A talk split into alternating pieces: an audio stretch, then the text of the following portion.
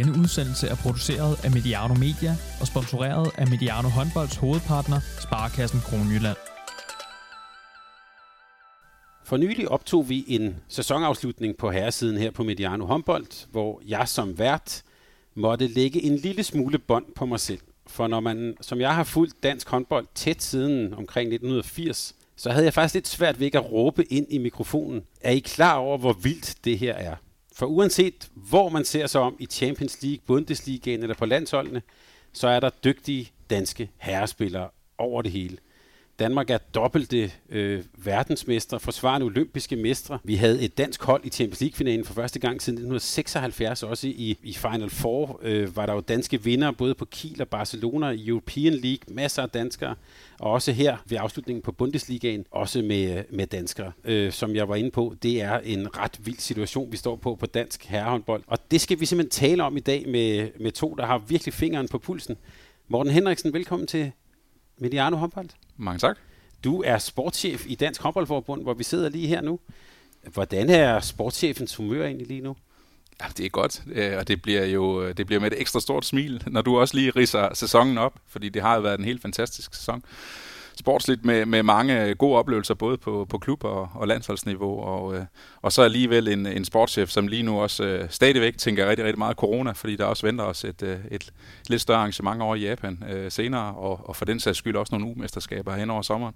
Så, øh, så der, er, der er stadigvæk nok at se til, og der er ikke helt gået sommer i den endnu. Men kan man i en tid, hvor det er jo sådan set en god pointe med, med travlhed, med ovenpå corona, som jo slet ikke er slut endnu, øh, har man overhovedet tid til at glæde sig?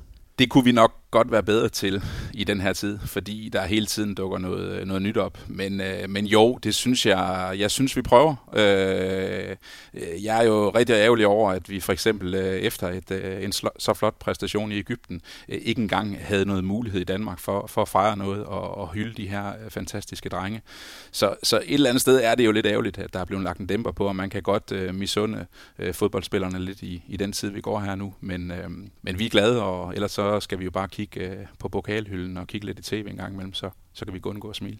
Og jeg får lyst til at sige til fodboldfolket, vi håndboldfolk kan jo godt glæde os, når det går godt med, øh, med fodbold. Selvom de ikke helt har nået seertallene fra håndbold endnu, men det, det er en anden snak. Med på en øh, virtuel forbindelse er også herrelandsholdets assistenttræner, Henrik Kronborg, velkommen tilbage til Mediano håndbold. Tak. Er du udvilet, vaccineret og klar til en tur om på den anden side af jordkloden? Det må man sige ja til, til det hele. Vi er, har fået de øh, stik, som vi skulle nu, og Jamen, vi glæder os da alle sammen helt sindssygt til, til næste mandag, når vi, øh, når vi møder ind og endelig skal i gang med de her forberedelser til OL, som, som jo er skubbet et år, og som der jo stadigvæk har været stor usikkerhed om, hvis man læser medier i hvert fald. Så vi er i hvert fald friske og, og glæder os og meget forventningsfulde til det, der står, står foran os. Og det her med at, at glæde sig efter sådan en, en stor sæson på, øh, på herresiden i Danmark, har du haft mulighed for det, eller tager du dig tid til det egentlig? Vi har jo fået set en øh, masse håndbold på, på tv og computer, i og med, at det jo at det jo ikke har været muligt at komme rundt og se kampe øh, i det omfang, som vi normalt set vil gøre det. Men, men så har man så kunne følge øh, det hele jo, og det har jo været for det første øh, en kæmpe respekt til alle øh, klubledere og frivillige og spillere og træner, for det har jo været en, en virkelig, virkelig lang sæson med rigtig, rigtig mange bump. Men jeg synes også, at det har været en, øh, en utrolig sæson øh, sportsligt for, for dansk håndbold, som man virkelig kan se tilbage på med stolthed. At man også har formået at få den afviklet, som man har gjort, det synes jeg har været fantastisk. Så at der så oveni har været så mange øh, flotte præstationer, det synes jeg bare er, det er rigtig dejligt. Og som assistenttræner for de danske herrer, når du har fulgt det, det danske slutspil, og også fulgt sådan slutspillet i, i, i nogle af de udenlandske ligaer, hvad har du så mest glædet over? At jeg jo stadigvæk er, synes, at, at det har været fantastisk at opleve den store intensitet, som, som kampene er blevet spillet med, øh, til trods for, at der ikke har været tilskuere. Nu har der så været lidt tilskuere til sidst, øh, og det begynder jo så at ligne det, som vi kender, men at der jo hele vejen rundt er blevet spillet med, med så stor intensitet, til trods for, at det har været tomme haller. Det synes jeg har været fantastisk at, at følge. Jeg kunne måske godt lige tænke, at bare lige før vi hopper ud videre i det, bare lige spørge jer begge to, øh, en kommentar til Aalborgs øh, Champions League øh, rate. Hvad, hvad siger du, Morten, som sportschef i DHF? Jamen, det er jo fantastisk, øh, både for Aalborg og for dansk håndbold. Øh, stor respekt for det arbejde, der både er blevet lavet på, på direktionsgangene og, og på trænergangene og, og på spillerniveau i, i Aalborg. Det har været, det har været flot at, at, at følge. Et, en, en god forretning og en god håndboldforretning øh, set udefra, øh, som, øh, som Jan Larsen arbejder flot med, og så et, et flot sportsligt projekt, som, som Stefan Madsen og Artner Adler Artner Atlasson jo, jo har gjort øh, formidabelt, og, og jeg glæder mig derover, at øh, det både er en tidligere og en nuværende person, der også øh, har nogle opgaver inde i forbundet og kan bidrage med, med de kompetencer, de har der. Hvad siger du, Henrik? Da du satte dig til rette til at se Aalborg mod PSG, havde du regnet med, at den to Aalborg? Nu skal det jo retfærdigvis sige, at jeg havde jo meldt Aalborg sejr op til dig inden. Mindes du det? Ja. Nå, det er jo godt. Øh, ja, men fantastisk weekend. Øh, jeg synes jo, at at Aalborg jo måske fik den modstander, som hvis ikke lige Naren, som de havde mødt, men, men, jeg, men jeg tror, det var jo fint, at de ikke mødte Barcelona, men, men en fantastisk sæson af Aalborg, og deres Champions League-eventyr startede jo faktisk sidste sæson med at tage nogle relativt store skalpe, både hjemme og ude, øh, også mod Flensborg, så man har jo set, at der er noget, der er noget på vej, og til trods for, for udskiftninger på holdet på, på ret vitale øh, spillere øh, og positioner, har de jo formået at, at holde kvaliteten og lægge på. Så, så kæmpe kado til, til Aalborg, og som, som Morten siger, det er jo hele vejen rundt. Øh, det er jo dem, der arbejder til daglig administration, det er de frivillige, men det er jo så sandelig også til, til spillerne, som har spillet rigtig mange kampe, og så til Stefan og Arnor, som sammen med deres, deres team i øvrigt jo har, har leveret et fantastisk stykke arbejde. Så ja, det kan man kun have kæmpe respekt for. Og også glædeligt, at man jo tør melde ud, at det her, det vil vi gerne, øh, og så går man efter det. Det kan jeg meget godt lide. Det synes jeg har været det, har været det fedeste, at de har to gøre det. I hvert fald ved jeg, at Mølgaard har meldt det ud, men, men, men det synes jeg jo har været fantastisk, at man, at man tør melde det ud og sige, det, det er det her, vi gerne vil, og så, så går man benhårdt efter det, og så lykkes det, så er det jo bare, så er det bare fantastisk man kan snakke om at tale, tale håndbolden øh, op nogle gange. Altså alle kan jo se det program, som Aalborg-spillerne har været igennem. Men hvor er det befriende at høre en Henrik Mølgaard, vil jeg fremhæve, og company øh, hele tiden øh, bruge den positive vinkel og sige, øh, hvem vil ikke øh, gerne stå i de her sko, som, som, som vi står i nu. Øh, det, øh, det synes jeg er dyb respekt for det. Det betyder ikke, at, øh, at vi andre ikke også godt kan se, at der er et hårdt program, og der også er for mange kampe, men, men hvor er det dejligt, at vi udadtil øh, kan proklamere håndbolden og tale håndbolden op. Og Henrik, bare lige Henrik Mølgaard, lad os bare lige tage ham også. Kan du garantere, at han har fødderne op, mens vi sidder og taler sammen her? ja, eller i vandkanten et eller andet sted, håber jeg, at han lige sidder og køler dem lidt af, så han er klar til, til næste uge. Men, men, men der er jo mange af dem, der har haft et sindssygt hårdt program. Øh, og man kan jo også øh, beundre, at, at de jo har stået igennem med, med de her spillere, med Sandel, med Klar, med Mølgaard, med Læsø, med deres fløjspillere, deres målmand, Savstrup og stregspillerne, sådan, så ved jeg godt, at de har haft nogle alvorlige skader undervejs i truppen, men mange af de her, der har spillet meget, har jo faktisk også spillet igennem, kan man sige, øh, uden sådan at, øh, at de har haft, øh, haft perioder, hvor de har måttet være udenfor på grund af skader, så det har også været, det er jo også perfekt tilrettelagt. Og så selvfølgelig skal man også være heldig, men det er jo også perfekt tilrettelagt af, af hele staben deroppe. Den her sæson har jo også budt på et dansk VM-guld. Øh, det var nogle hektiske coronadage i, øh, i Ægypten. Øh, Morten, sådan her lidt på afstand. Hvad, øh, jeg ved godt, du ikke har tid til at sætte dig ned alt for, alt for meget med hænderne over hovedet, men lidt på afstand. Hvad er dine tanker om, det, om hele det VM? Jamen et eller andet sted øh, kigger vi jo tilbage på noget, som egentlig var utroligt, at det kunne lade sig gøre øh, på det tidspunkt, øh, hvor øh, vaccinerne stort set ikke var begyndt endnu, og øh, hvor, øh, jeg ved ikke om vi skal sige anden bølge, det er jo lidt efter, hvor vi var, jo øh, kulmineret øh, rigtig mange steder, i hvert fald i Europa. Og så var det første gang, man skulle samle 32 hold, altså endnu flere hold end tidligere fra, fra hele verden. Det lykkedes heller ikke at samle alle sammen, men det lykkedes alligevel, øh, til trods for nogle omgivelser, som i hvert fald set fra min stol også var helt anderledes end måneden før i december, hvor, hvor vi i Danmark øh, øh, jo var færre mennesker, og også havde øh, en, en mere klar styring øh, oppefra på, hvordan vi håndterede øh, coronasituationen. Så kommer vi ned til et land, hvor, hvor corona er, men, men folkene lever øh, helt normalt, og, og, og det vil jo sige, at vi både inden i forhold til de restriktioner, vi så, der var nødvendige sammen med mange andre nationer, men så sandelig også under øh, øh, VM, øh, jo egentlig kom ud i nogle situationer, hvor jeg tænker, øh, det, var, det var helt utroligt, at det kunne, det kunne lade sig gøre, og, og, og vi kommer jo alligevel hjem øh, uden, uden et smittetilfælde. Det, det, ikke mindst det er, øh, er fantastisk, og så, og så vinder vi. øh, fantastisk indsats af, af Henrik Nikolaj, staben og, øh, og, og spillerne, og, og kæmpe respekt. Øh, øh, var, jeg, var jeg lige ved at sige, at øh, ikke fordi det ikke var spændende, men, men, men, men man tog sådan en lille blunder under kampen, øh, fordi det var ikke meget håndbold, jeg lavede i, øh, i Ægypten. Øh, det var rigtig meget andet. Øh, men jeg synes, vi har lavet en god arbejdsfordeling, at øh, Henrik og Nikolaj kunne koncentrere sig om håndbolden. Jeg tror ikke, jeg snakker ret meget håndbold med dem. Øh, og så, øh, så var vi nogle andre, der kunne koncentrere sig om tingene rundt om. Og nu har vi jo nogle gange hørt, blandt andet fra Henrik, også nogle af spillerne om det der med at være på slutrunde og ikke sove så meget. Og sådan. Hvordan er det så at være sportschef i, i, i sådan en heksekedel der? Jeg vil sige, der var ingen fare for, at jeg var fysisk overbelastet, fordi jeg tror ikke, jeg nåede i emotionscenter en eneste gang, men, øh, men mentalt var jeg, var, jeg godt nok, øh, var jeg godt nok træt bagefter. Sammen med vores øh, delegationsleder, Carsten Grønmann, der kan jeg huske, vi, vi et stykke tid sagde, nu skal vi lige ned og have en kop kaffe her i løbet af formiddagen, og det blev, det blev udsat. Jeg kan ikke huske, om vi var på dag 10 eller 11, før, før det skete.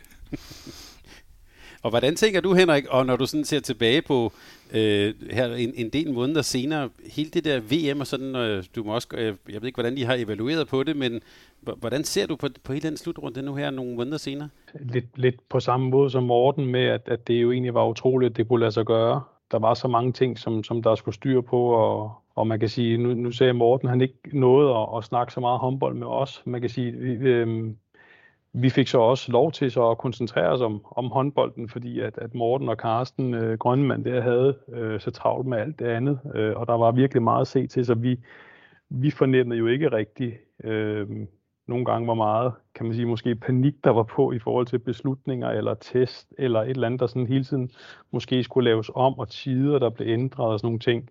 Altså der hørte vi bare sådan lige, når, når der sådan var styr på det, øh, og det var jo en, en kæmpe befrielse for os, at vi ikke skulle bruge bruge tid på det, men kunne koncentrere sig om det, der var, der var vigtigt. Øhm, og så er jo også der at spille et, øh, et mesterskab, at være så intens sammen, hvor man er vant til, sådan at, at, øh, at der kommer voldsomt meget adrenalin, når man skal spille de her kampe. Det var jeg da spændt på, fordi vi havde jo ikke sådan spillet uden tilskuer, men, men også der jo øh, kampene spillet med, med den intensitet og, og, og kvalitet i det, som, som vi plejer at se. Så hvis man lige tager, øh, hvad skal man sige, den del med tilskuerne væk, øh, så synes jeg måske alligevel, det var et mesterskab, som på mange måder ligner dem, vi plejer at lave. Vi plejer jo at være i en boble, forstået på den måde, at det kan godt være, at vi har en god tur på et kvarter om dagen, men, men ellers er vi jo tæt sammen, og er normalt set ikke ret meget ude, og spillerne var jo, som vi har hørt mange gange, rigtig gode til at være sammen og finde sammen og, og lave nogle ting på hotellet og på hotelgangen, som, som hvad der nu kunne lade sig gøre. Så som bortset fra det med tilskuerne, så tænker jeg måske egentlig, at det var ikke så meget anderledes. Øh, det er måske mere den tid, vi var afsted i, som jo så var så meget anderledes, end, end vi plejer. Og hvorfor var det lige præcis Danmark, der blev, øh, der blev verdensmester igen? Ja, øh, mange ting, tror jeg. Øh, og en gang imellem, så er det jo også stolpe ind og stolpe ud. Øh, og, og, og når man skal vinde noget, så skal man jo også være heldig. Det var vi jo også her. Man skal også turde opsøge heldet og turde tro på de ting, man laver til træning, og de ting, man, man lægger sig for som, som træner, som Nikolaj. Øh, og så selvfølgelig også en kombination af et fantastisk godt hold at være afsted med, som, øh, som både på og uden på banen øh, fungerede på en måde, som, som jeg sjældent har været med til at opleve. Øh, så jeg synes jo, at vi var bedst.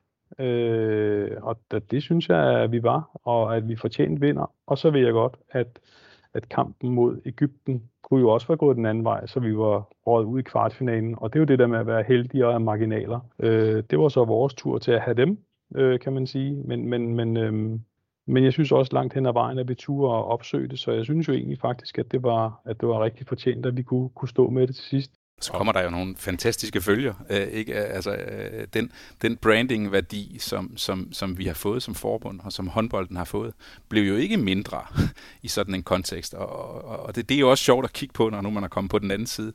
Fordi øh, inden vi tog afsted, øh, der tror jeg ikke, øh, vores generalsekretær Morten Stig øh, Christensen og jeg havde, havde nogensinde før prøvet at få så mange opkald og mails øh, om, hvor uansvarlige vi var i forhold til at tage afsted. Øh, og det gjorde os jo bare endnu mere øh, tændte på, at det her skulle lykkes, fordi vi er jo også en forretning, der skal drives og er ansvarlig for, at der øh, bliver leveret en vare til, til vores partnere, og, og dermed nogle penge, der generaliseres ind i, i, i håndbolden.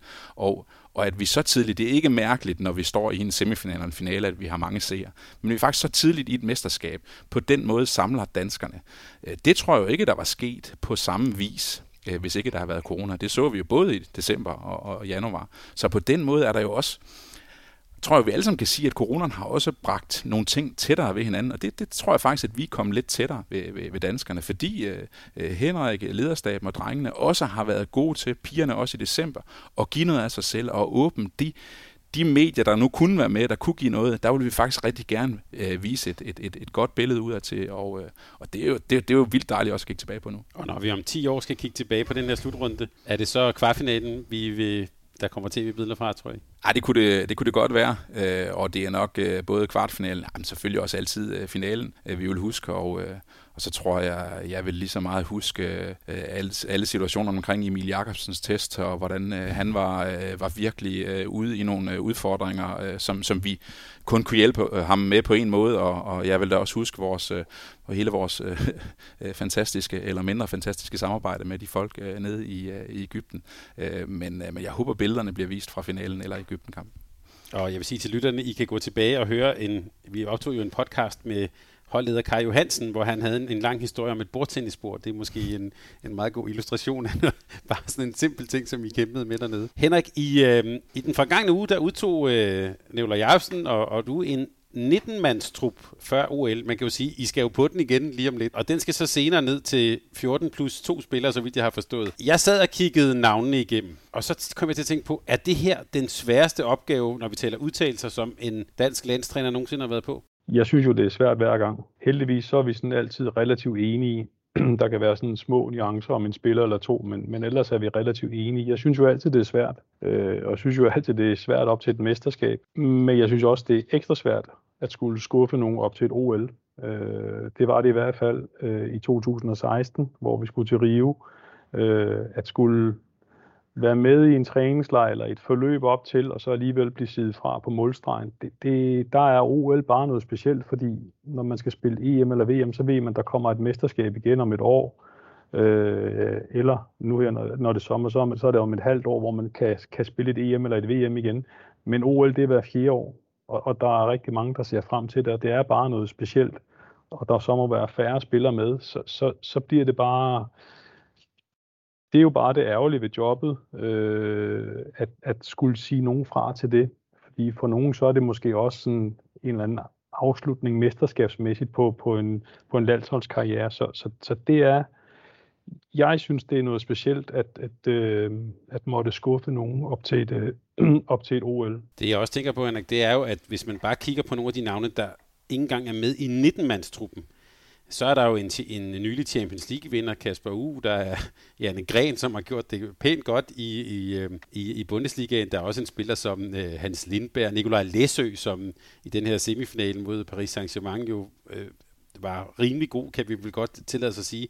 Altså det jeg også tænker på, det er udover sådan det menneskelige aspekt, som du er inde på, spillemæssigt, der har vel Altså, der har vel sjældent været så mange at vælge imellem. Ja, så har vi desværre skader på Rasmus Lauke og Lasse Møller, ja. som jo så også kunne, kunne være en del af det her. Ikke? Øh, så, så spillemæssigt er der jo fantastisk mange spillere, der har gjort det rigtig godt rundt omkring, både i den danske liga, men også i deres klubber rundt omkring i Europa. Så, så det er jo altid svært. Men der er jo også noget i, og det har vi jo også hørt fra fodbold øh, nu her, der er også lidt i, i genkendeligheden, når man skal afsted til et mesterskab. Og man kan sige, nu er det jo et mesterskab, i hvert fald et, et atypisk OL i forhold til forberedelsen, fordi vi har så kort tid i forhold til, at vi plejer. Så der er jo også noget genkendelighed i den måde, vi gør det på, og den måde, vi gerne vil spille på, hvor der ikke er så meget tid til at indarbejde nye øh, spillere og, og nye vaner i forhold til, til den måde, vi gerne vil gøre det på. Så der er i hvert fald også noget genkendelighed, når man skal udtage sådan en trup, hvem har prøvet det før, hvem har spillet mesterskab før, kan jo også godt være et parameter, hvor man står og skal vælge mellem to spillere. Øhm, hvem kan man eventuelt kalde der over, hvis det skulle blive nødvendigt? Vi håber ikke, at der er nogen, der bliver syge eller skadet, men hvis man skal kalde nogen over, Hvem har så prøvet det før? Det kan jo også være et parameter. Hvem kan så gå ind på niveauet? Så jeg synes, der er rigtig mange ting, og, og jeg synes, det er rigtig svært øh, hver gang. Øh, men vi er jo også heldige, at der står så mange og byder sig til, som har lavet, øh, spillet på så højt et niveau over så lang tid, øh, at de kan komme i betragtning. Og Morten, hvad fortæller det om dansk herrehåndbold lige nu, at altså, vi har store profiler i de store ligaer, som ikke engang er med, når, når vi skal til at udtage et, et OL-hold? Ja, men øh, en fantastisk øh, situation at, at stå i, i hvert fald i et landshold. En øh, svær situation, som Henrik beskriver øh, rent menneskeligt, fordi at øh, der er et par træner, der skal træffe nogle valg som, øh, og, og sortere nogle spillere fra, som øh, på mange andre landshold øh, ville, øh, være, ville være med meget tidligt. Øh, et en situation, som jo øh, er opstået, øh, fordi der er rigtig mange mennesker, øh, primært spillerne, men dernæst også en masse folk omkring dem, der har arbejdet øh, godt og seriøst, og fordi at vi har været dygtige til at, til at talentudvikle, så vi, så vi nu står med det her landshold, som, som vi heller ikke er bange for at sige, at det er i den her periode, at vi har de bedste forudsætninger for at tage nogle medaljer. Det er en, øh, en per, eller et landshold, som, som har en, en rigtig god erfaring, når man ser, ser på gennemsnitsspilleren, der har været ude og prøve rigtig meget, der har en god gennemsnits gennemsnitsalder, der har spillet med i flere slutrunder, som, som, som Henrik beskriver. Og, øh, og kigger vi sådan statistisk på dem, der vinder medaljer, jamen så er det der, at muligheden er størst, og det kan vi også se, øh, når vi kigger bagud. Så på et eller andet tidspunkt, så skal man generationsskifte på nogle afgørende spillere. Noget kan ske løbende. Det har Henrik og Nikolaj også været gode til. Og så er der også bare nogle afgørende spillere, som, øh, som nogle gange i hvert fald ofte, vil få en konsekvens i en, i en lille periode. Vi har talt lidt om på Mediano håndbold, Henrik, at hvis vi tænker på ligaen, så var den her sæson måske også sådan et, i hvert fald et øh, symbolsk generationsskifte. Ikke? Der er nogle af, ja, vi kan bare sige Jesper Nødesbo og Anders Eggert, som som, som takker fra. Og, til, til, og den anden ende, der har vi så Thomas Arnholdsen, Mads Hoxer, som, øh, som, som, som virkelig træder ind her. Er vi også i gang med, øh, et generationsskifte, hvis vi tænker sådan, øh, sådan mere bredt på dansk håndbold? Ja, det kan, jo, det, det kan man jo godt sige. Jeg synes jo også, at, at nogle af de her, du nævner, som, som jo er stoppet i år eller sidste år, eller som måske har planer om at gøre det næste år, er jo også spillere, som har været gode til at passe på sig selv og har kunne bidrage. Så er det ikke altid, man måske har fået så mange minutter på banen, som man har kunne ønske, men, men mange af de her i hvert fald, som, som jeg kender dem, er jo også gode til at bidrage på andre måder, og derfor har de stadig været vigtige for deres hold. Og så er der også et setup sådan i klubberne øh, generelt set, kan man sige, at spillerne kan holde længere og længere.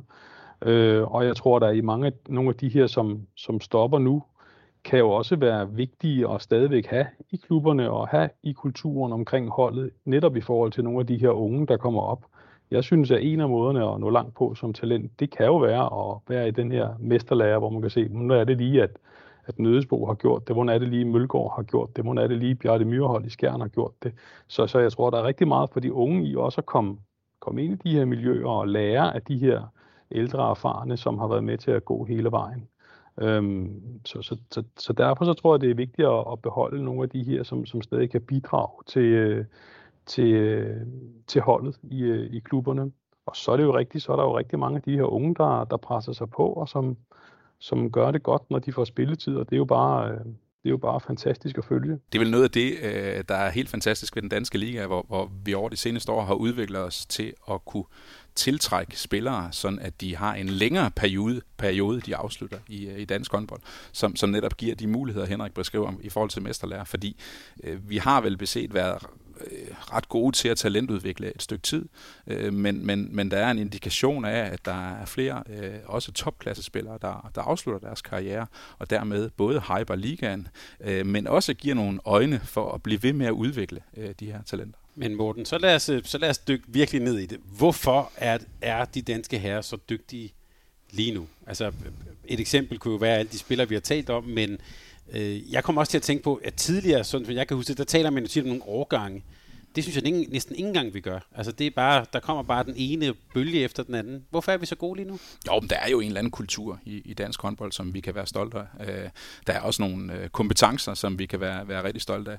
Vi har jo for nylig fået lavet sådan en undersøgelse af, af mange af de spillere, vi har nu, hvor, hvor vi kan kigge tilbage på og sige, at øh, det, vi har pladeret for i The Danish Way på, på herresiden omkring øh, en, en alsidig talentudvikling, har gjort sig gældende. Øh, dog med det skifte, at vi også kan se lidt, lidt forandringer, hvor, hvor nogle af de ting, vi snakkede om, og kan kigge på, på de ældre generationer, det er jo, at man har haft en opvækst, hvor man, hvor man øh, har dyrket rigtig mange idrætsgrene, sent har specialiseret sig ind i håndbolden, men også kommet ind i den her periode, hvor man har kunne øge en træningsmængde.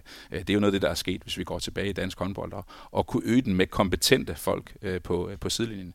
Så kan vi alligevel se, at nogle af de yngre, øh, faktisk øh, flere af dem dyr, har dyrket færre idrætsgrene, godt nok som, som ung, men stadigvæk det issue, at de sent har øh, hvad kan man sige, lavet den, vi kalder en elitesatsning, hvor de, hvor de kun prioriterer håndbolden. Altså har de haft en god periode, hvor de har kunne øh, lege håndbolden ind, øh, glæde sig over og udvikle sig med håndbolden, og stadigvæk gjort det med nogle kompetente folk, både i klubregi og i, øh, i, øh, i forbundsregi, sådan at, at man kan pike på et, på et lidt senere niveau, som, som jeg tror er med til at gøre godt, øh, godt for os. Øh, det er dejligt, når vi ser øh, en Mathias Gissel øh, brage igennem. Men vi vil også gerne have, at Mathias Gissel også spiller, når han er 30 og 35 år, fordi så er der endnu større sandsynlighed, i hvert fald statistisk, på at få medaljer. Hvorfor er vi så gode, Henrik, lige nu? Ja, jeg tror, det er heldigvis øh, en bred palette af mange ting, som, som man generelt set er gode til i dansk håndbold. Og der er ingen tvivl om, at, at rigtig meget af det her arbejde jo øh, ligger i klubberne. Og jeg synes jo, at at øh, mange af de klubber, som jeg kommer rundt til, bliver, bliver dygtigere og dygtigere. Der kommer bedre og bedre setups, bedre og bedre muligheder for de unge spillere. Øh, og så synes jeg jo også det der med, at man, mm, jeg, jeg har tit tænkt på det der med, hvorfor der er så mange af de der svenske unge spillere, som jo så tidligt har kunne komme til udlandet og, og sådan nogle ting. Og det er måske fordi, at man skal sige, den, den svenske liga ligger måske sådan et eller andet sted mellem øh, nummer de bedste hold mellem nummer 10 til 14 i Danmark og de to bedste i, øh, i første division. Et eller andet sted ligger den der, så, så den har måske haft sådan et perfekt niveau til sådan at, at udvikle, men, men nu synes jeg, at, at den danske liga, ikke at den danske liga bevæger sig ned på det niveau, slet ikke, men, men at vi måske er blevet bedre til at tage de der unge spillere ind og give dem mulighederne i at være med tidligere og, og se, at de rent faktisk godt kan bidrage, når de så får chancerne, hvad enten det er til træning eller kamp. Øhm, der, der synes jeg, det har været glædeligt, at, at de måske er kommet med lidt tidligere, og man faktisk tør øh, give dem mulighederne. Så sidder du også og siger, at det er godt, at vi har en stor liga med 14-15 hold? Det ved jeg ikke rigtigt. Jeg synes, det er et rigtig svært spørgsmål, øh, om det er det. Øh, det kan sagtens være det rigtige øh, format, og hvis det er det, klubberne ønsker, som de synes er det bedste. Jeg kan i hvert fald se, at der, der kommer rigtig mange øh, unge spillere, som får mulighederne for at være med i de her klubber. Om de så er med i de største på start af, eller de starter i nogle af de lidt mindre klubber og arbejder sig op. Det er jo sådan set lige meget. Der er vi jo bare tilbage ved, at der er mange veje til sådan at skulle, skulle slå igennem der har jeg det lidt sådan, at der, der bakker jeg egentlig op om, hvad, hvad klubberne synes generelt set er det bedste. Øh, om det så er det, det rigtige format, det kan man jo så altid diskutere. Øh, det, det, det kan jeg jo godt have nogle holdninger til, øh, men, men så længe klubberne synes, at det er det, der er det bedste, også for at forretningerne skal køre rundt, så er jeg helt på det linje med det. Og jeg tænker også på, at det kunne være sådan en spiller som Mads Hoxer, jo, som har spillet rigtig meget i, i år i Mors Thy. Øh, det, der er vel plads til, at han, hvad, hvad blev de nummer 11? Altså, der er vel plads til, at han kan få en større rolle, end han ville gøre, hvis, øh, hvis det var en mindre liga, eller hvad? Morten? Jo, det er i hvert fald spændende, at der er de her gode miljøer, som, som Henrik øh, beskriver, for det ved vi jo har betydning for øh, spillernes udvikling. Men vi ved også, at øh, motivationen for at spille, den er der også øh, hos rigtig mange, og tålmodigheden er nogle gange øh, lidt mere begrænset i forhold til, øh, til at, at give sig tid til at få den spilletid. Så, så hvis man både kan have et godt miljø, og man kan få lov til at få spilletid og spille i nogle, nogle, nogle afgørende kampe, og nogle betydningsfulde minutter, minutter, så må det jo alt andet lige være en, være en fordel. Men, men det er meget vigtigt at, at sige, at når vi snakker talentudvikling i dansk håndbold, så siger Henrik, der er mange veje til Rom, og det er der. Øh, nogen øh, tager øh, over nogle år i første division, øh, nogen er meget tidligt inde på ligaen, nogen sidder på bænken, nogen er hurtigt til at, til at spille, øh, og, og der er, øh, der er øh, mange veje, og det støtter vi op om øh, fuldt i den øh, talentudvikling, der er.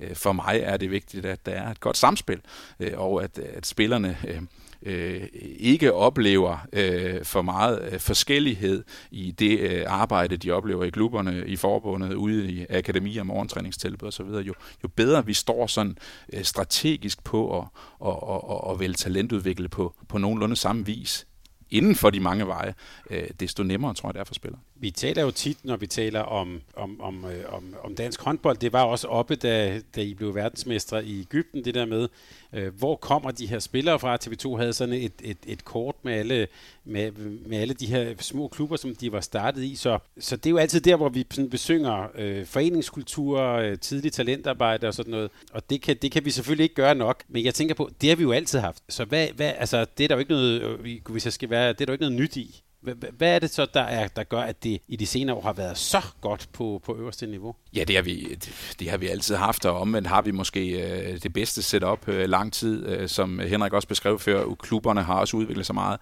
Akademi og morgentræningstilbud har udviklet sig meget. Så, så jeg synes egentlig, der, sker, øh, der er sket øh, rigtig, rigtig meget, der er godt.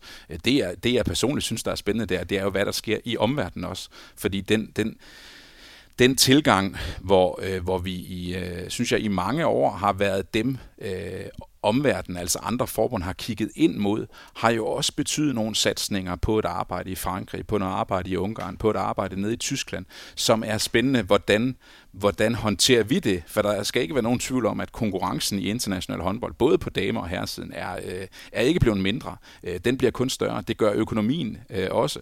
Og, og hvis der er en ting, der er helt sikkert, så, så kommer vi nok aldrig til at vinde på økonomi. Vi kommer heller ikke til at vinde, i hvert fald over mange nationer, på antallet af håndboldspillere. Så vi skal vinde på noget andet, og, og, og noget af det er jo kompetencer, noget af det er know-how, og, og jeg tror også, at en af tingene er vigtige, det er samarbejde, fordi vi i Danmark øh, har valgt, det har vi i hvert fald fra forbundet, en, en vej, der sådan hedder lidt mere en flerstrenget øh, strategi, hvor, hvor vi satser på, at det, det skal være et samspil mellem klubber, morgentræningstilbud, akademier, forbund osv., og, og vi gør ikke som i for eksempel Frankrig og Ungarn, og bygger et øh, akademi på parkeringspladsen herude ved siden af, og tager nogle spillere ind fra, de er 12 eller 13 eller 14 år. Henrik, det der med, du nævner, at der er mange veje øh, til Rom.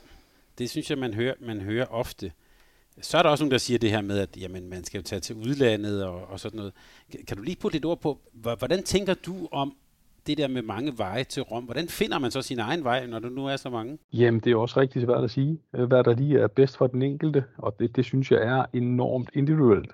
Øh, hvad der er, der lige er bedst for den enkelte, hvad er, der, hvad er det, der kommer til at virke for, for nogen. Det er ikke sikkert, det virker for andre, så, så det, er, det er jo for nogen er det godt at, at spille rigtig meget i en øh, topklub i første division. For nogen er det rigtig godt at være i, i et miljø med nogen, der har gået hele vejen. Øhm, og, og, der, der, og det er det, jeg mener med, der, man kan ikke sige, at der er noget, der er rigtigt. Jeg hører tit det der med, øh, min gode øh, seminariekammerat Peter Broen, han siger, ah, at man skal også ud og have noget spilletid, hvis han skal udvikle sig. Ja, det kan godt være, at man skal det for nogen, men, men, men, men det er jo ikke sikkert, at det, det er det rigtige for alle. For nogen kan det jo godt være, at man skal have et år eller to i en klub, som spiller med europæisk, som har nogen, som har gået hele vejen, så man kan læne sig lidt op, den her mesterlærer. Øh, også for at man får lagt nogle, nogle, nogle andre kompetencer på sit spil, som man måske ikke ville have fået i første division. Så kan det være, at du får nogle ting med at spille i første division, som du ikke får ved at sidde på bænken i ligaen og bare være en del af et godt træningsmiljø, men det er derfor, jeg siger, at jeg synes, det er så individuelt, og man kan ikke bare sige, at, at det er det her, der er det rigtige øh, for den enkelte. Jeg synes, det er, det er så svært at sige. Jeg kan give øh, nogle eksempler på, på det der med at komme i mesterlærer. Øh, da jeg var i Kolding København, der startede øh, Lasse Andersson der, og øh, Lasse var ikke på det tidspunkt specielt dygtig i sit forsvarsspil, øh, fornærmer jeg mest ikke ved at sige, men, men det blev han hurtigt, fordi en ting var jo, hvad vi kunne fortælle ham som træner. En anden ting er, at man til træning fem gange om ugen og til kamp lige står et kvarter ved siden af Lars Jørgensen og Torsten Lagen, og med Kasper Witt inde bag i, der også har en holdning til, hvordan vi lige skal gøre, så er der nogle ting der, der bare bliver meget lettere. Du får den der viden og den der læring fra nogen, der har været hele vejen. Man kan sige, hvis man tager et hold som GOG, Gissel og Pytlik, jamen for et år siden var Gissel vel ikke tænkt som den store forsvarsbak. Han gjorde det til tider fornuftigt. Nu gør han det rigtig godt. Det samme med Pytlik. Lige ind og stå ved siden af Clausen og Zachariasen og Bergendal og lære en masse der. Øhm, det har været rigtig godt for dem. Hoxers har taget en lidt anden vej, men har til gengæld i Mors Thy, da jeg så ham i den første pokalkamp i august op i Nordsjælland, der dækkede han jo træer. Fantastisk, at Jonas Ville tør lade en ung ny senior starte inden som træer i et midterforsvar, så ved jeg godt, at han har haft skader og sådan noget, men, men det var egentlig der, han startede. Så, så der er jo mange måder, kan man sige, sådan at, at komme ind i de her ting på. Og vi har jo heldigvis også spillere, som har taget vejen ved at komme i første division, og dermed stille og roligt, så man kommer til næste klub og næste klub og næste klub, og, og arbejde sig frem den vej. Øhm, så der, der, er rigtig mange, øh, der er rigtig mange veje, og der er jo også spillere, som vi jo ikke har i landsholdsregi, som jo så har taget deres eget, egne veje i klubregi, og nu spiller på allerøverste hylde. Jeg elsker jo eksemplet med Johan Kok i Fyxe Berlin, som jo ikke har været omkring vores A-landshold, har vist tidligere været en del af noget Y-hold og, og sådan nogle ting, men jo taget sin egne veje over Christianstadt, kadetten Schaffhausen, og nu jo faktisk øh, spiller på et tophold i, øh, i Bundesligaen det er jo også en vej at gå. Så der er jo mange forskellige veje til, til at nå til, til øverste hylde. Vi bliver ikke landsholdsspillere alle sammen, men man kan jo også være en rigtig, rigtig dygtig håndboldspiller, uden at være landsholdsspiller. Jo, og, og, og vi vil jo rigtig gerne have, når vi snakker udvikling af spilleren, at det bliver spillerens eget projekt. Og så, så er det jo den der balance i, at der er en masse kompetente folk, der skal være med til at vejlede og give gode råd, og det kan være alt fra mesterlæreren til træneren til forbundspersonen, øh, der, skal, der skal guide spilleren. Men, men jo bedre vi er til at tage hensyn til spillerens motivation og personlighed og lade ham danne sin egen vej, øh, desto mere holdbart øh, bliver det jo også i længden. Øh, og, øh, og, og den, den balance er, er yderst spændende. Øh, øh både, både i respekt for det langtidsholdbare, øh, den langtidsholdbare profil, men også i, at, at, at håndboldspillet udvikler sig. Øh, tankerne omkring talentudvikling og udvikling af håndboldspillere øh, udvikler sig også. Så, så, så, så vi må jo aldrig komme dertil, øh, at, at der er en vej, og det er den, vi, øh, vi beskriver. Øh, det vil jo det vil slå os selv ihjel. Vi, vi skal blive ved med at være, være nysgerrige på, øh, hvordan, hvordan, øh, hvordan kan vi flytte de her spillere, hvordan kan de flytte sig selv, og hvordan kan de øh, skabe deres egen karriere. Men Henrik, du har jo oplevet, nu taler vi lidt om generationsskifte, du har jo oplevede også en, en generation, du kan være ja, Søndergaard, øh, Nødespor og så videre. Øh, og nu kommer der nogle nye, unge mennesker ind, og også til nogle af de samlinger, I har.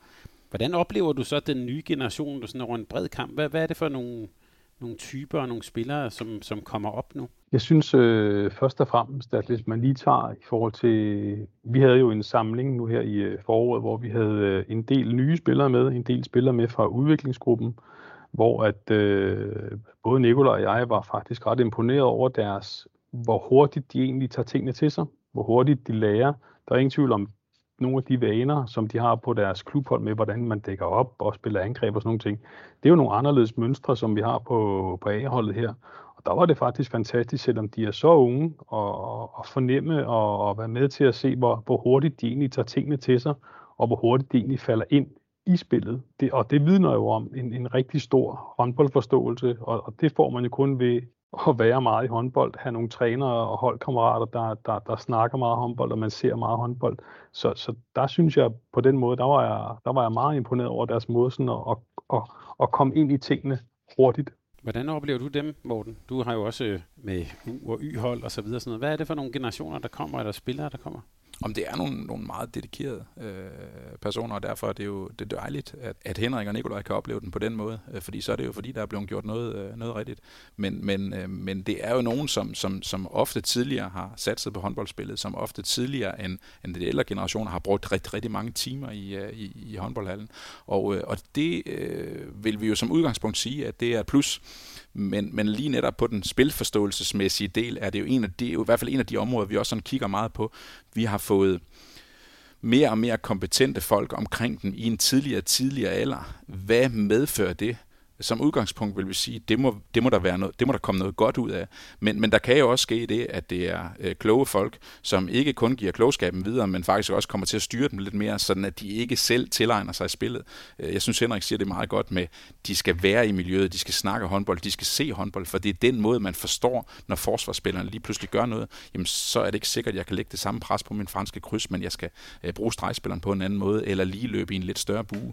Øh, og øh, og, og det, det, det er jo vigtigt, at vi bliver ved med øh, og, og, og sikre, at spilleren tilegner sig de her kompetencer, sådan at øh, fordi at vi har kompetente trænere, det ikke bliver øh, lidt mere robotagtigt, at det er trænerne, der styrer de her spillere. Men hvis man kigger på det rent spillemæssige, øh, så, så kan man sige, øh, der har jo været meget debat, også længere tilbage i tiden, om hvad, hvad er det for nogle spillere, vi skal have, have fremelsket, og øh, altså tilbage omkring øh, øh 78-79 generationen, Michael Knudsen, Lars Kro, og så der blev talt rigtig meget om, at vi manglede fysik og sådan. Øh, hvis vi kigger på det spillemæssige, hvad er det så for nogle, for nogle spillere, der kommer ind på det danske landshold? Hvad, hvad, hvad skal der til for at kunne komme i betragtning der? Jamen, fysik er jo rigtig vigtig, men man, man er også nødt til sådan at, at, at gøre sig sådan lidt klar over, hvad, hvad for en fysik er det? Og, og der, der synes jeg jo, at det lige nu handler rigtig meget om dynamik, og hvor atletisk, hvor agil er du, øh, når du spiller, hvor hurtigt kan du skifte retning og de ting. Så, så tidligere var fysik måske sådan også øh, øh lige med kilo. Øh, det kan også være rigtig godt, men du skal også kunne flytte de her kilo. Og øh, der bliver løbet rigtig meget, og, og når der måske om nogle år begynder at komme shot clock, eller hvad det nu kan være, så kommer det til at stille nogle helt andre krav til os. Men jeg tror jo rigtig meget på den her dynamiske spiller, der er fleksibel, som, øh, som har en stor forståelse. Og jeg synes jo, at, at øh, ved det mesterskab i 19, hvor vi vinder, hvor jeg synes, vi ser, at vi spiller ikke med de allerstørste fysiske spillere, men spiller med nogle spillere, som har en utrolig spilforståelse, øhm, og som er rigtig dygtige til sådan at, at se spillet, hvad sker der ude på afleveringer nummer 8, 9 og 10, hvor er det, vi skal ligge og flytte bolden hen, fordi at rigtig mange hold jo spiller mange af de samme åbninger, så er der rigtig mange variationer på de forskellige ting, men man kan ikke forvente, at man kommer til noget fornuftigt på bold 1, 2, 3 eller 4. Vi skal have spillere, som er dygtige til at flytte sig over zoner, angribe på forskellige positioner og være dynamiske til at kunne, øh, kunne omstille sig hurtigt og være klar til at se spillet. Og det gælder egentlig i begge ender af banen har vi her fundet en særlig, øh, ja, nu, du sagde jo også Danish Way, som har været det her. Er det en, er det en særlig dansk ting, det vi taler om her? Øh, nej, det synes jeg ikke. Øh, det synes jeg også, vi kan se på, på andre nationer. Jeg synes, øh, det der er rigtig godt dansk, det er, at vi har holdt fast, og gerne vil blive ved med at holde fast i en forskellighed i vores, øh, i vores tilgang til håndbolden, fordi vi ved ikke, hvor det går hen, og det kunne godt være, at da, da russerne var i sin storhedstid, hvis, hvis vi kun var gået ind, som du øh, kigger på på fysikken, og ikke havde øh, holdt fast i nogle af de andre dyder omkring øh, forstå spillet og, og spille kollektivt, at, at vi, vi var blevet overhalet. Så, så, så, for, så for mig, øh, som, som skal være ansvarlig for DHF's tilgang, så, så er det jo forskelligheden i spilkompetencer, vi skal holde fast i. Vi må, vi må ikke kun udvikle en fløjtype eller en bagspillertype. Vi skal hele tiden være med til i vores system og have øh, en, en stor grad af forskellighed, sådan at, at Nikolaj og Henrik øh, har... Øh, Øh, en god bred mulighed, en god palette at, at vælge mellem. Desto bredere, desto nemmere. Fordi hvis nu, at de ville spille rigtig meget 7 6 spil nu, så kunne det godt være, at det var nogle andre typer spillere, end det spil, øh, Henrik lige har, har beskrevet. Så jeres opgave, Morten, det er at lave så stor et udvalg, så når man så sidder og skal lave den her trup, så har man rigtig meget at vælge imellem. Ja, og det er vores opgave at bidrage, og vi kan kun bidrage øh, meget lidt. Øh, Henrik sagde det også øh, flot før, det sker ude i klubberne, det primære arbejde.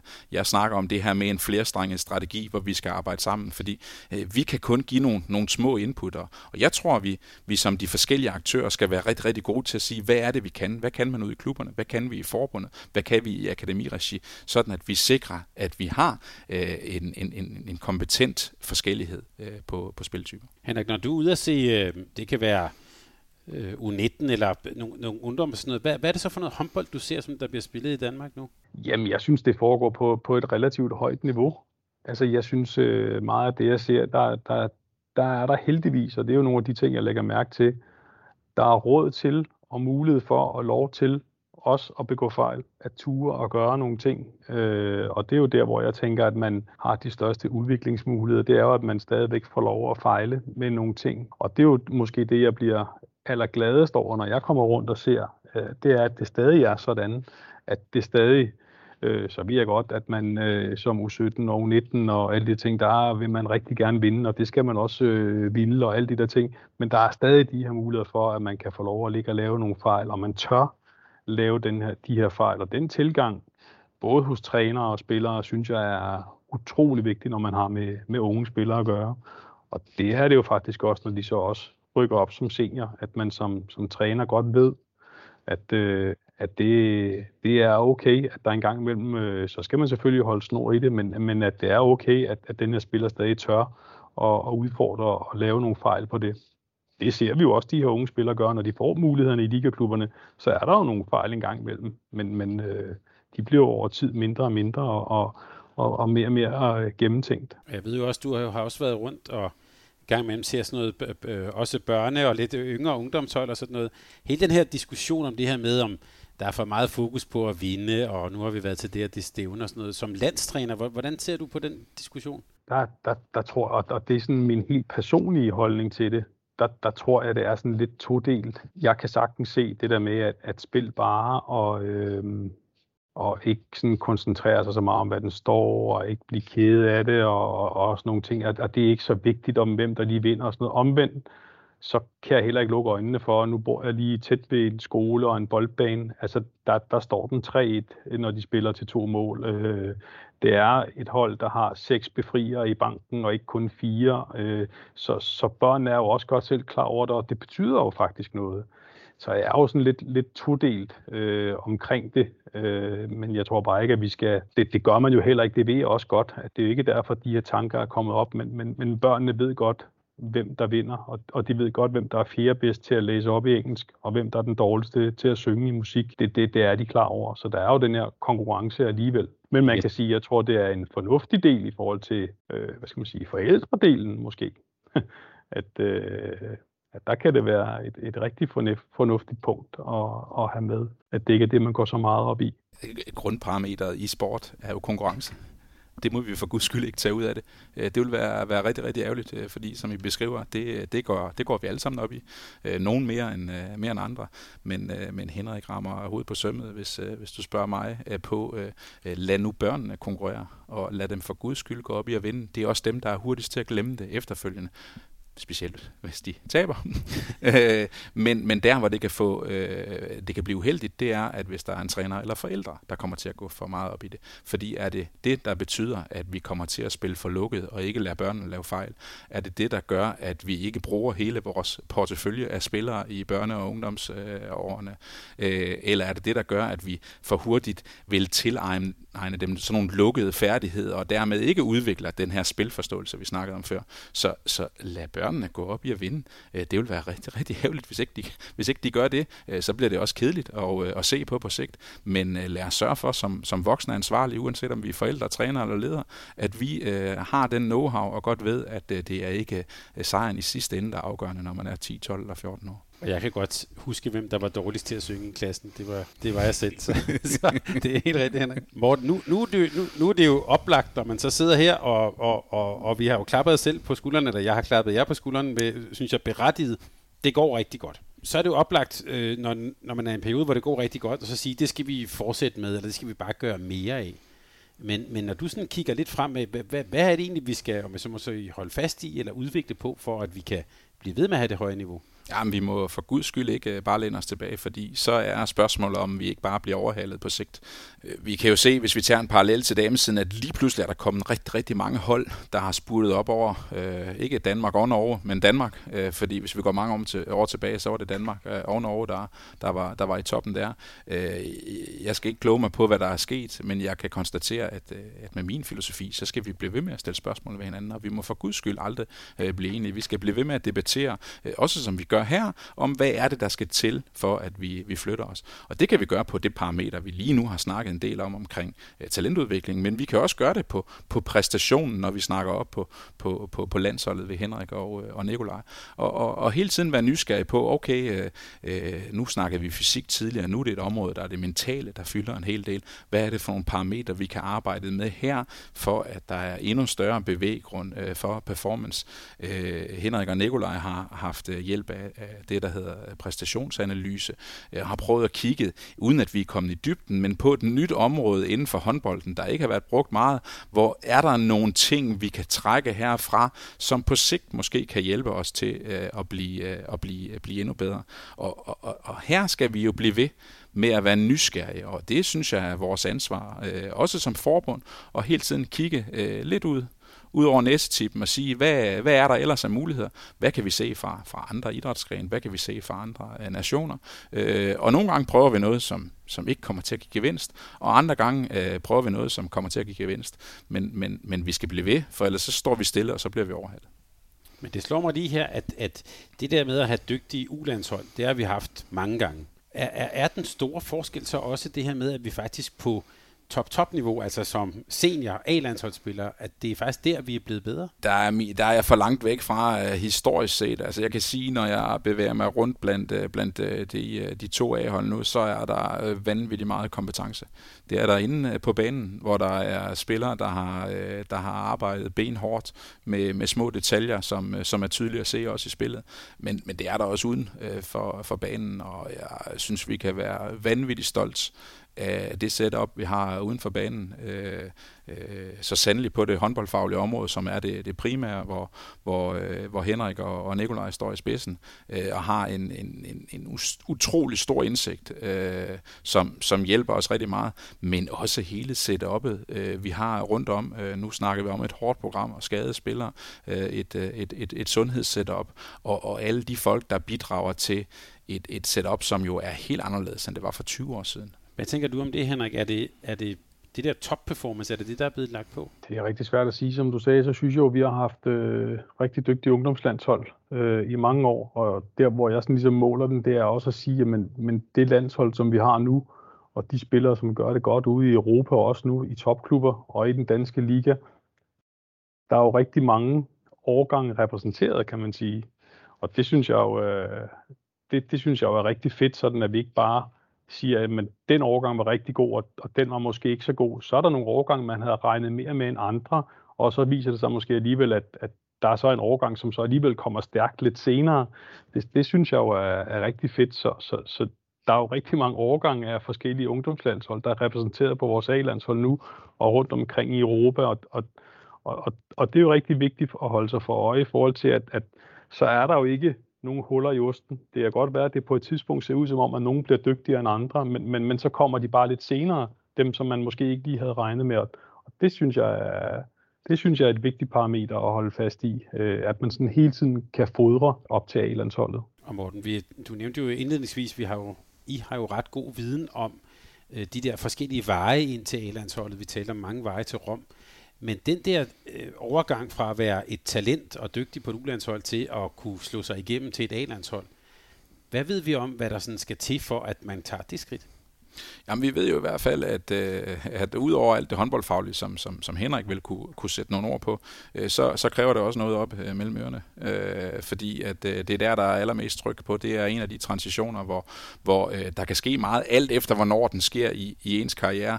Men i hvert fald, øh, når vi snakker om nogle af de sådan forholdsvis unge, der kommer ind på et øh, A-landshold øh, og går fra en, en helt anden rolle i klub, øh, og også øh, højst sandsynligt på U-regi, og så komme op øh, på et Øh, på et A-hold, øh, hvor, hvor der er andre typer spillere og, øh, og et... Øh, et, et helt andet niveau. Øh, der, øh, der, skal man kunne, øh, der skal man kunne klare at holde fast i sin motivation og sin glæde og sin passion ved, ved håndboldsporten. Og, og derfor nævnte jeg også det mentale område før, som, som er et område, vi, vi, vi inden for de seneste par år også har fået sat sådan lidt mere struktur på, hvordan vil vi gerne prøve at hjælpe de unge mennesker.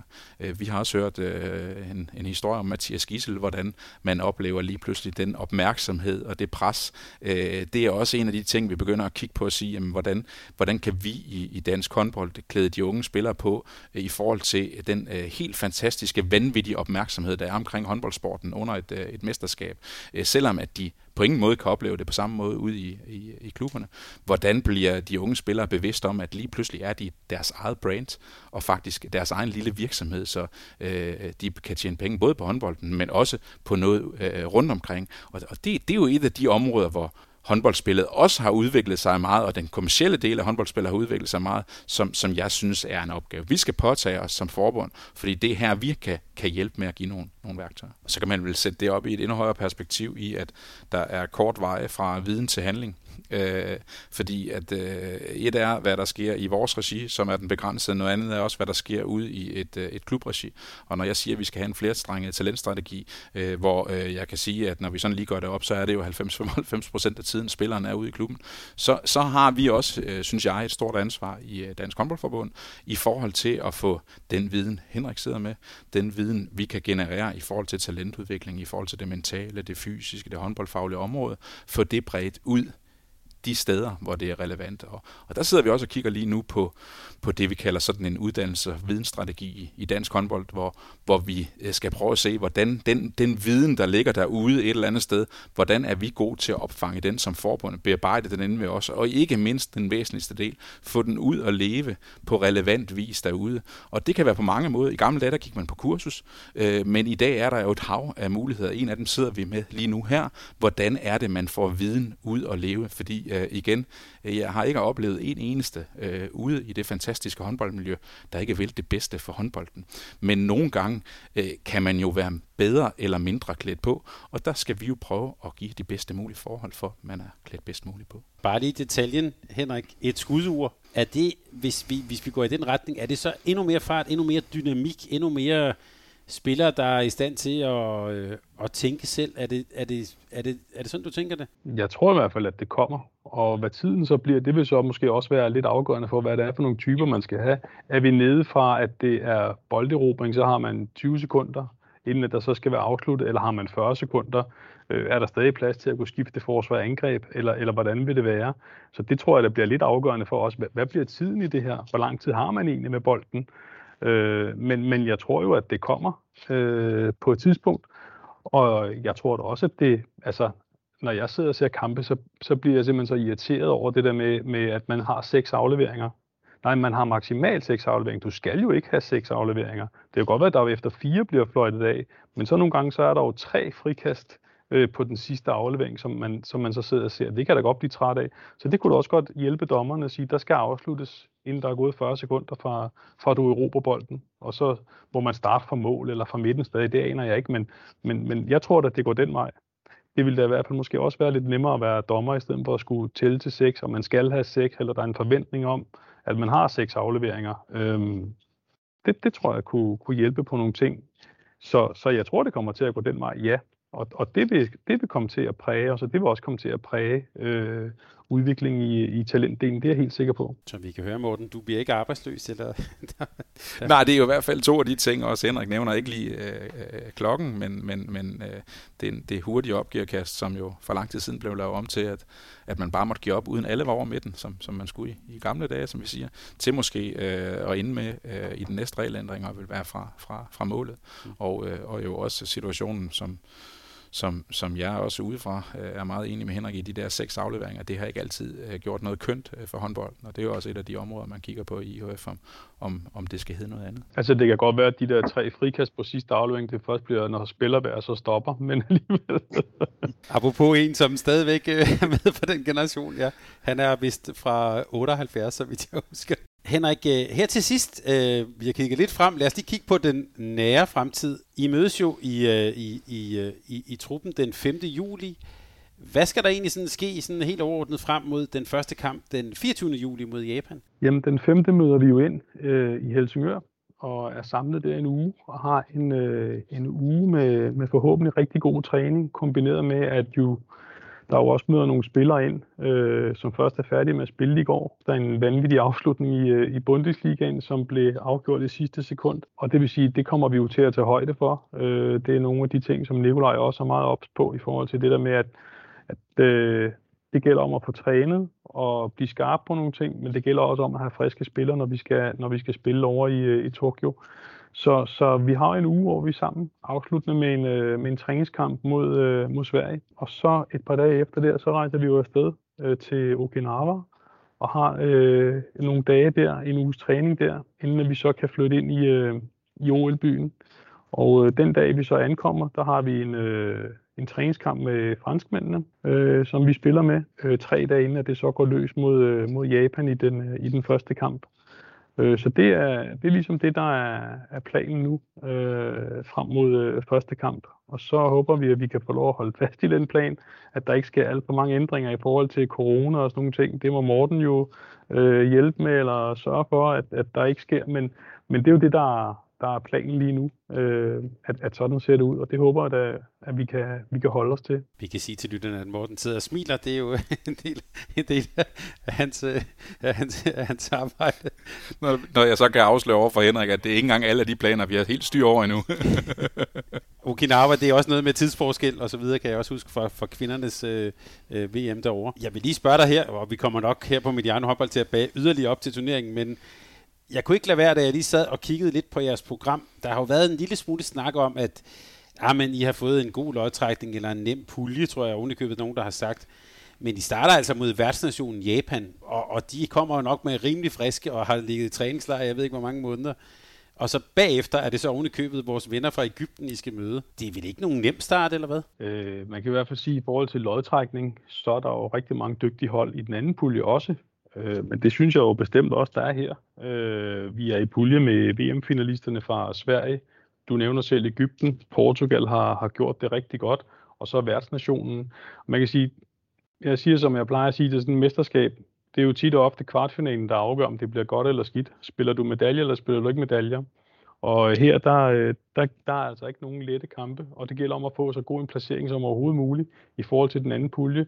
Den anden pulje er egentlig så stærk, så uanset om du møder nummer 1 eller 4, så er det, så er det et kanonhold, man møder.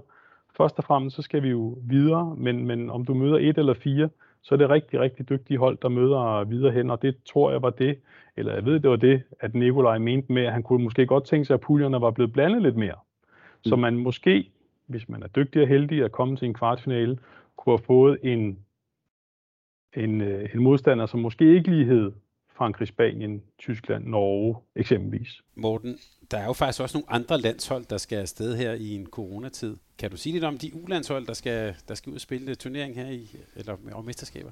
Ja, vi skulle jo egentlig have haft vores to øh, dame ulandshold øh, til EM, og de to herre ulandshold til VM. Øh, IHF øh, valgte ret tidligt at, øh, at aflyse øh, de to øh, herre U VM'er, og det medførte så, at EHF besluttede, at det herre U18 EM, der ikke blev afviklet sidste sommer, kunne afvikles i år, og derfor betyder det, at både vores dame U17 og dame U19 og så herre U19 skal til EM. Øh, det komiske er, at herre U19 skal spille herre U18 EM. Øh, men vi har, vi har tre hold, der tager, der tager afsted her. Øh, det første U19 damerne tager afsted her i starten af juli, og ellers så går det hen over, over sommerne. Og så, for det ikke skal være løgn, to beachlandshold, der også skal afsted. Så, så der sker lidt øh, i butikken. Så hvis man troede, sæsonen var slut, og slut så, så, ja, så er der bare masser at kigge på, og vi kan sige, hvis man øh, kan kigge, finder lidt på YouTube og sådan noget, man plejer som regel også at kunne følge med i de her slutrunder. Ja, de der U-slutrunder, de bliver, de bliver streamet, øh, så dem øh, kan man få lov til at sidde og se derhjemme, og nogle af dem er lidt mere spiselige tidspunkter end, øh, end OL-kampene. Så der er rig mulighed øh, for, at øh, tingene ikke overlapper hinanden, men man kan se alt det, man gerne vil. Ja, OL-kampene, der er, det var syv morgen og to nat og, og så videre. Det kan, vi, det kan vi glæde os til. Det er ikke noget med dig at gøre, Henrik, for dig, du er på en anden tidszone, men også herhjemme, øh, ja, vi skal, vi skal tidligere op og sent i seng, og så videre, så videre. Altså, jeg vil sige, jeg glæder mig personligt rigtig meget til uh, i den kommende weekend her. Vores uh, herre U21, som jo har, som Morten sagde, har fået uh, aflyst uh, mesterskab, har jo en form for afslutning på deres uh, landsholds, uh, ungdomslandsholds uh, periode ved at få spillet to kampe mod uh, Sverige. Og jeg glæder mig meget. Jeg kører op på fredag og skal se dem spille i uh, Kalundborg. Jeg glæder mig netop rigtig meget til det, jeg også var inde på tidligere, med de her svenske spillere, som jo er vant til at spille rigtig meget i de svenske klubber. Der er også et par stykker af dem, som skal til Danmark og spille. Men jeg glæder mig rigtig meget til at se, hvor står de her i forhold til vores af de bedste øh, U21-spillere. Så, så jeg glæder mig meget til at komme op og se afslutningen for U21-spillerne. Det var rigtig godt, at det kunne lade sig gøre. De fik de her kampe øh, lige på falderæbet, når nu de ikke får øh, det store mesterskab, som de normalt set ville få øh, at de får de her kampe mod, øh, mod svenskerne, ligesom at, at runde af på.